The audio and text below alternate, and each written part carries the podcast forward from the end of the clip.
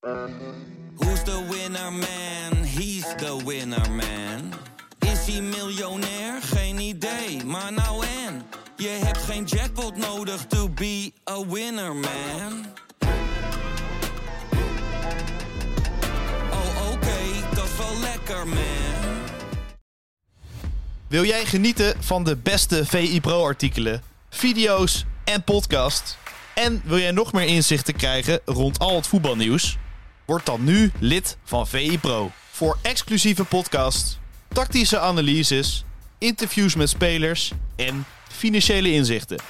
Ga nu naar vi.nl slash zsmpro voor de scherpste aanbieding.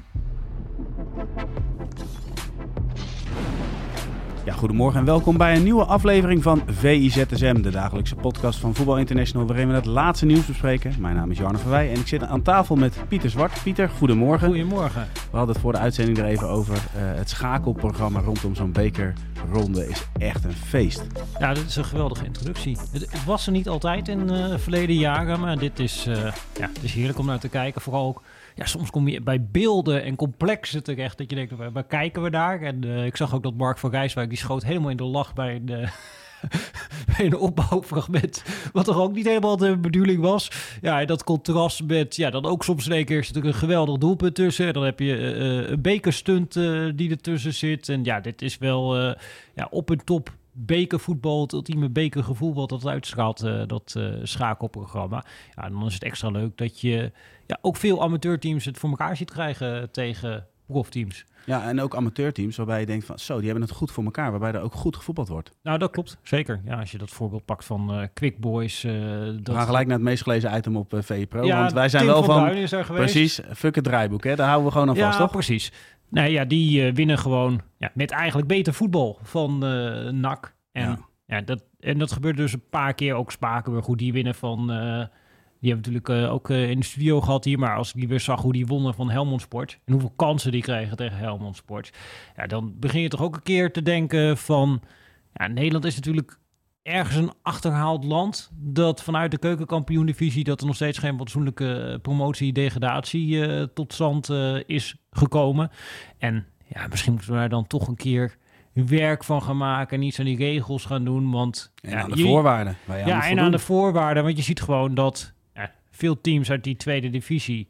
dat die kwalitatief misschien wel beter zijn dan teams uit de KKD. En volgens mij lijkt me het hele principe van profvoetbal... dat de beste tegen de beste spelen. Ja. En als dan vijf keer in één week gebeurt... dat een team uit de tweede divisie wint van een profteam dan krijg je toch het gevoel dat dat niveau in de tweede divisie... dat dat niet heel veel onderdoet voor, nou, in ieder geval rechterrijtje KKD. Uh, ja, en het is ook gewoon, ik denk goed voor die hele doorstroming... dat er ook onderin wat uh, op het spel staat uh, voor al die teams. Want ja, nu was het gewoon zo in de KKD... Uh, ja, je kon er prima een jaar 20ste of 19e worden uithuilen... en opnieuw ja, beginnen en dat maakt allemaal niks uit. En dat, dat schuurt denk ik toch wel een beetje bij de essentie van topsport. Ja, we hebben het natuurlijk toen, toen de tijd gezien met Achilles. Die heeft toen wel die stap gemaakt en dat, dat ging uiteindelijk niet...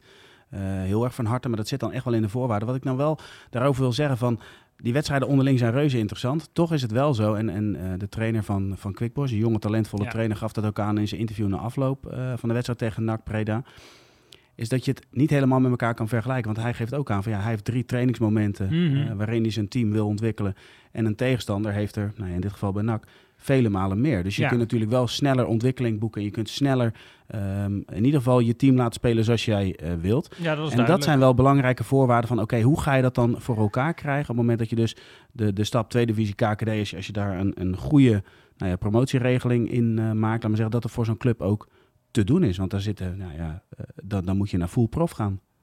Nou, dat wordt inderdaad interessant. Van, hoe ga je dat dan uh, inrichten en organiseren? Want er zijn ook al veel teams in de KKD die daar qua omzetbegroting nu al mee worstelen. Er zitten gewoon best wel veel spelers. Kijk, profvoetbal, dat klinkt heel chic, maar er zijn best wel veel spelers in de KKD die ongeveer op een minimumloon lopen te voetballen, omdat ze minimaal aantal contractspelers nodig hebben, om dan maar aan de licentievoorwaarden Ja. te voldoen. Ja, dus dat lijkt me gewoon iets waar je en met teams uit de KKD en met teams uit de tweede divisie nog een keer gewoon eigenlijk een blanco vel op tafel moet eh leggen.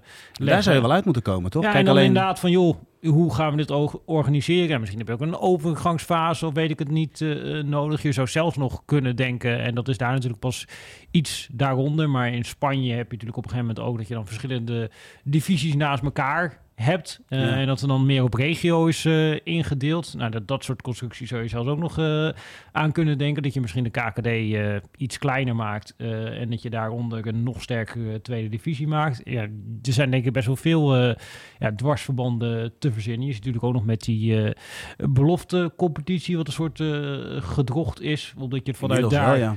Ja, omdat je vanuit daar zitten teams in en je kunt dan wel de piramide in promoveren. Alleen, ja, je ziet toch dat veel teams, daar loopt Feyenoord natuurlijk ook tegenaan, dat ja, je wil eigenlijk niet daar te sterke spelers hebben zitten in die onder 21 competitie, omdat je weet dat ze er te weinig weerstand krijgen. Nou, dan ga je Ja. ze verhuren en vervolgens promoveer je weer niet eh, vanuit die eh, competitie.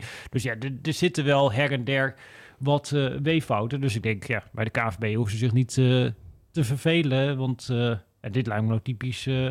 een vraagstuk waar je mee eh, aan de gang kan. Nou, heel interessant. Eh, wij gaan nu eh, door naar John van Schip. Die gaat vanavond zijn eerste wedstrijd coachen bij Ajax.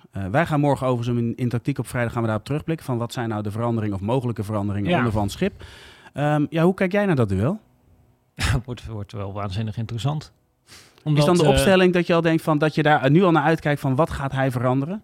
Nou, niet per se eh, dat ik er al enorm eh, naar uitkijk, maar je bent wel ja, nieuwsgierig, maar ook wel juist nieuwsgierig naar wat gaat eh FC Volendam er tegenover stellen. Ja. Want waar zeg maar in die voorgaande twee wedstrijden bij Ajax heel erg het verhaal was van, oh ja, nee, er is eigenlijk eh, geen eer aan te behalen en eh, nou, we moeten maar hopen dat het geen monsterscore wordt. Heeft nu toch ook wel iedereen het idee van, oh, van het schip is binnen, eh, er wordt weer gelachen en Volendam rollen we even op en dan op weg naar het linker rijtje en Conference Ja, maar waar, zit dat bereiken. sentiment? Want het, het grappige, jij, jij geeft nu aan dat dat sentiment leeft kennelijk bij een, een deel. Maar eh, even weer terug naar de beker. Ik hoorde de spits van Spakenburg zeggen, nou doe mij Ajax maar, want daar maken we dit jaar kans tegen. Ja, die, die heb ik ook inderdaad eh, voorbij zien eh, komen. Maar je krijgt wel nou ja, een gevoel van dat verwacht wordt. En dat is natuurlijk ook logisch thuis tegen Volendam. Ah, daar kunnen drie punten gepakt worden. En dan worden die drie punten bij RKC er bovenbij opgeteld. En dan zit je alweer ongeveer in het linker rijtje. Ja, alleen ja, moet nog wel gebeuren. En Volendam, dat, is toch denk ik wel een vervelende tegenstander ook voor Absoluut. Ajax. Want Volendam is niet misschien het Volendam wat mensen verwachten. In de zin van eh, alleen maar technisch verzorgd voetbal en eh, we gooien de deuren open. Nou ja, het Volendam speelt dit seizoen ja, heel realistisch. Ze weten eigenlijk dat ze een selectie hebben die nog niet helemaal ja, op een niveau is waarvan ze willen dat een eh, selectie is bij Volendam. Ja, en die zijn echt ja, realistisch aan het voetballen. En een van de dingen die ze bijvoorbeeld heel goed doen. Ik heb ze dit seizoen al twee keer zien scoren uit de inworp. Ja, ja. Navragen, daar, daar, trainen ze ook echt eh, op, op die eh, inworpen, de varianten daarvan. Die gooien ze ook gewoon ja, hoog en ver Ja, of indirect in de, wat dat gaf je ook aan. Hè? Of Ja, indirect precies. dat dat gegeven minder moment op wordt in. inderdaad, eh, dat was afgelopen weekend tegen Excelsior, dat die bal in eerste instantie kort teruggeworpen wordt en dan met de voet wordt die eh, de 16 ingeschoten. Maar dan staat daar wel Benamar, ja, gewoon een lange centrale verdediger, die in, naar de 16 komt om die ballen binnen te koppen. En ik denk dat dat voor Ajax misschien wel het grootste gevaar is deze wedstrijd tegen Volendam. Ik kunt toch ook nog die wedstrijd herinneren waar Alfred Schreuder werd ontslagen. Dat was ook zo'n Ja, in de indirecte rust, vrije trap. Ja, net, net over de middenlijn Ja. die, eh, die erin werd eh, gedraaid en erin werd gekopt door eh, Mirani. En ik denk toch echt dat ook in deze wedstrijd voor Ajax het grote gevaar, ja, dit gaat zijn. Iedere vrije trap, iedere corner, iedere inworp net over de middenlijn. En dan gaat die hele Volendamse luchtmacht mee naar voren. En dat, dat is waar ze in deze wedstrijd eh, op gaan gokken. In combinatie met, ja, ze hebben met die eh, jonge Australiër op links, eh Bilal Ochik op rechts, hebben ze twee ja, snelle buitenspelers die ook wat kunnen Ja. creëren. En ja, daar zullen ze echt op loeren. En ik denk ja, dat, dat, dat als je ziet zeg hoe kwetsbaar Ajax nu defensief is geweest... ja, dat dat nog steeds wel iets is waar aandacht naartoe moet van, eh, van het schip. En dat het niet alleen zo kan zijn van... eh, nou, we gaan even lekker trainen op positiespel... en dan gaan we aan vertrouwen eh, tanken. Want ja, je kunt zomaar tegen een tegendoelpuntje aanlopen... eh, tegen dit Volendam. Ja, ja, toch ben ik wel nieuwsgierig van wat, wat hij nou, met, met welke opstelling die komt, eh, wie de aanvoerder is. eh, of je al nieuwe accenten ziet van, van in het druk zetten of in het, in het verdedigen op eigen helft. Meer van dat je echt denkt van, hé, hey, dit zijn handvatten waar ze op door kunnen gaan.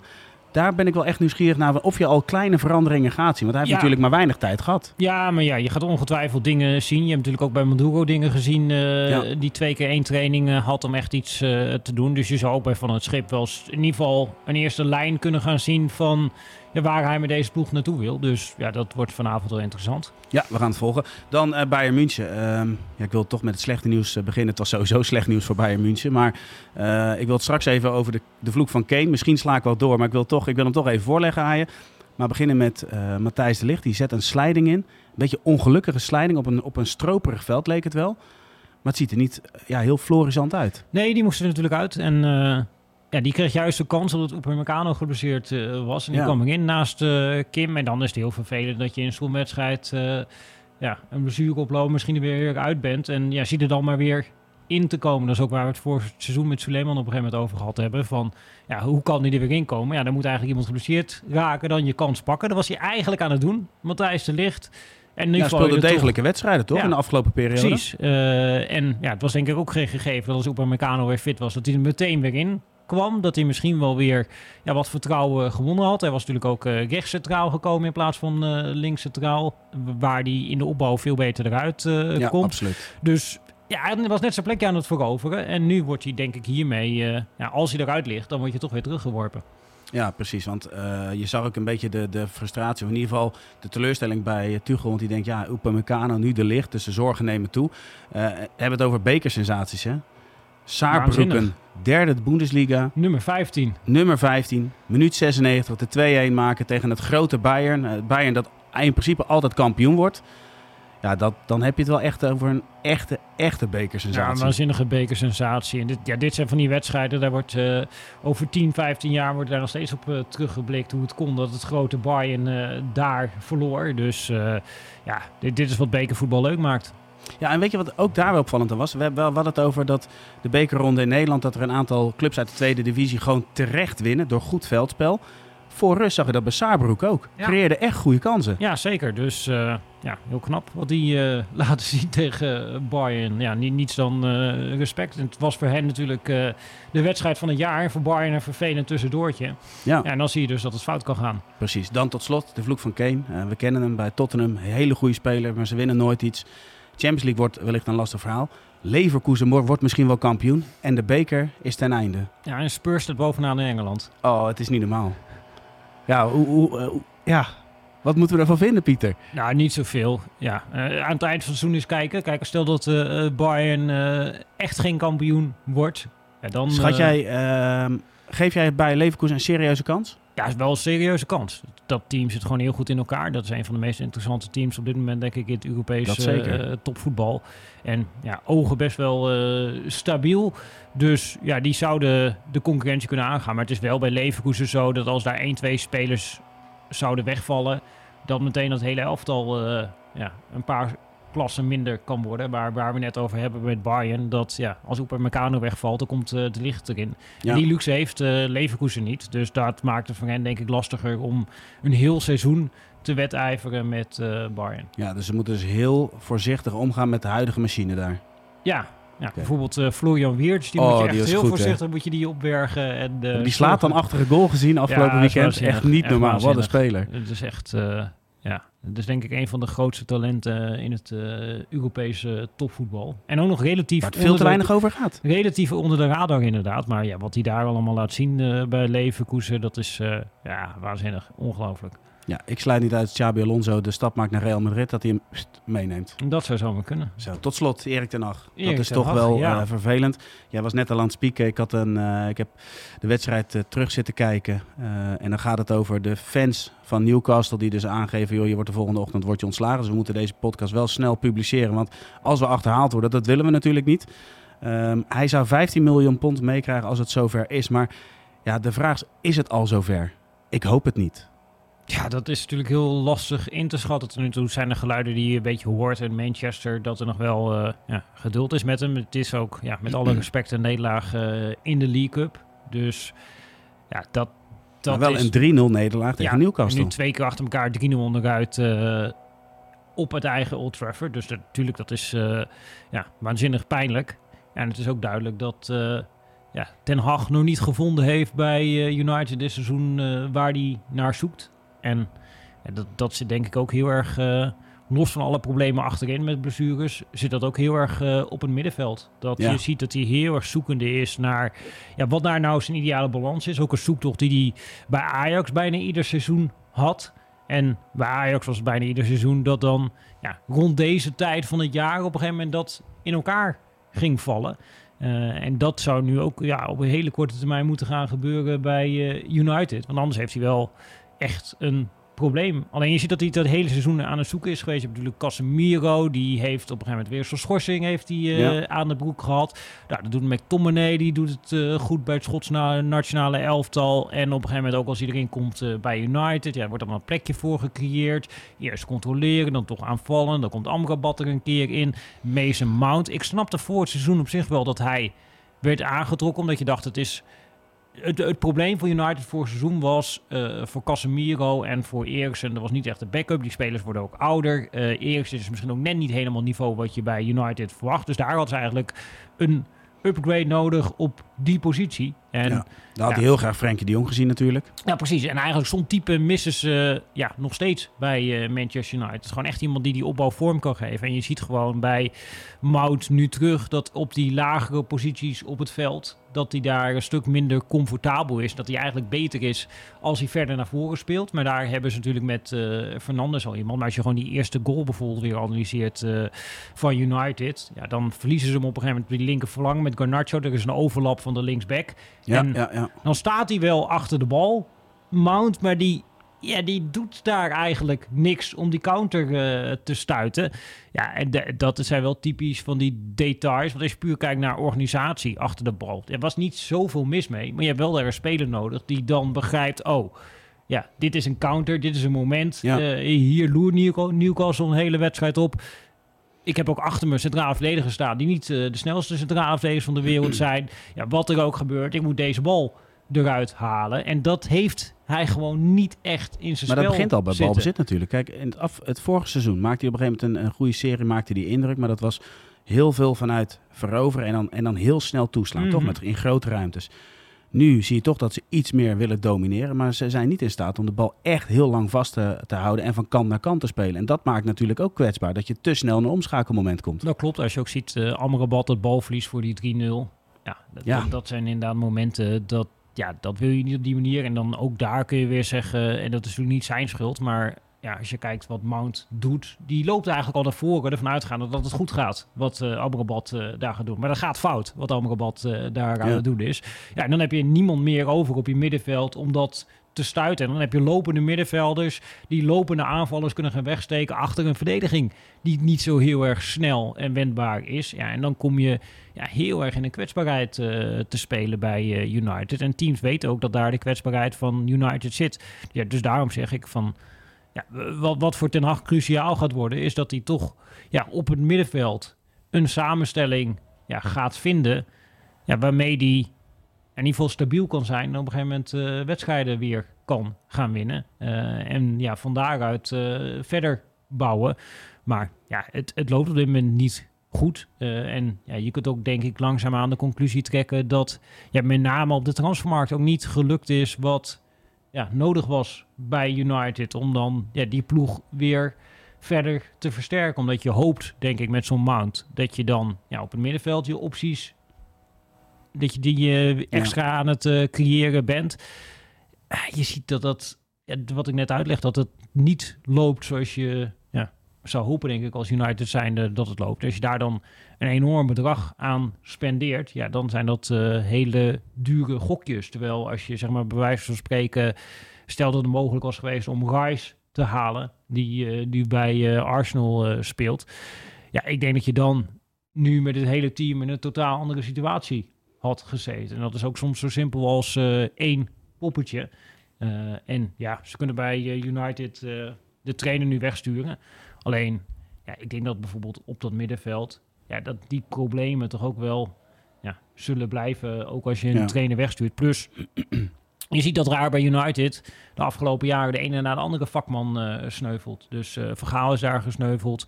Uh, Mourinho, is daar gesneuveld. Nou, David Moyes, daar werd natuurlijk ook lachend over gedaan. Maar die hebben toch ook een Conference League zien winnen met West Ham United. Dus die kan ook wel iets, niet helemaal niets in ieder geval. en al die managers hebben daar moeilijk, denk ook omdat daar geen goede sportstructuur uh, staat. Uh, toevallig kreeg afgelopen weekend kreeg uh, Pep Guardiola de vraag van... Goh, ja, Manchester City lijkt United een beetje voorbij te zijn gegaan. Waar zit er volgens jou in? En hij zegt, ja, het is gewoon heel simpel. Je hebt hier een algemeen directeur, technisch directeur Precies. en een trainer. Die zitten op een lijn. Ja, maar die overname speelt natuurlijk ook steeds. En, en waar liggen dan de verantwoordelijkheden? Ja, dat, dat, dat blijft boven de markt hangen. En zolang je dat hebt, blijf je een onrustige situatie houden. Want elke beslissing die je neemt moet toch ja, langs een, een groep mensen waarvan je denkt van ja, wat, wat is precies de betrokkenheid bij de club en wat is precies het doel met de club? Nou, dat klopt. Ja, en het technisch apparaat, uh, dat is de afgelopen jaren keer op keer uh, vervangen. En dat maakt het denk ik heel lastig om die club ja, uh, ja, de goede kant op te duwen. En Ten Hag moet daar ja, heel veel eigenlijk in zijn eentje doen. Alleen, ja, verlies je dan, terwijl je alles in je eentje probeert te doen, een keer een wedstrijd. Ja, dan richten ook alle pijlen zich op hem. En dat, dat is gewoon een hele lastige situatie uh, waar hij in zit. En ik ben benieuwd of hij de tijd gaat krijgen. Eigenlijk zou het dan nog hopen op een type als Mark Overmars. Waarmee die dus heel nauw kan samenwerken. Ja, ik denk als je daar een, eh, diezelfde structuur hebt als dat je nu bij uh, Manchester City hebt. Met gewoon een algemeen directeur en een technisch directeur die een bepaalde stabiliteit uitstralen. Je hebt een trainer die daarbij past. Ja, dat, dat het uh, makkelijker uh, wordt. En je kunt denk ik ook wel zeggen dat het ja, aankoopbeleid van United. volgens mij hebben ze 450 miljoen of zo besteed sinds ja. Ten zit ja, daar, daar is denk ik niet uitgehaald wat je er met 450 miljoen uh, uit kan halen. Uh, ja, en ik denk dat nog meer dan wat er op het veld gebeurt, uh, denk ik dat dat een aspect is wat je ten ja, zou mogen aanrekenen. Met ja, de mits dat het niet zo makkelijk is om dat te doen bij een club waar ja, de structuur eigenlijk ontbreekt om dat op een goede manier te doen. Helemaal eens. Interessant om te volgen. Wellicht is het middenveld voor United een keer een thema voor Tactiek op Vrijdag. Morgen zijn we, zoals gezegd, uh, gaan we Ajax bespreken in Tactiek op Vrijdag. Pieter, voor nu bedankt voor jouw tijd in ZSM en uh, tot ZSM. Tot ZSM.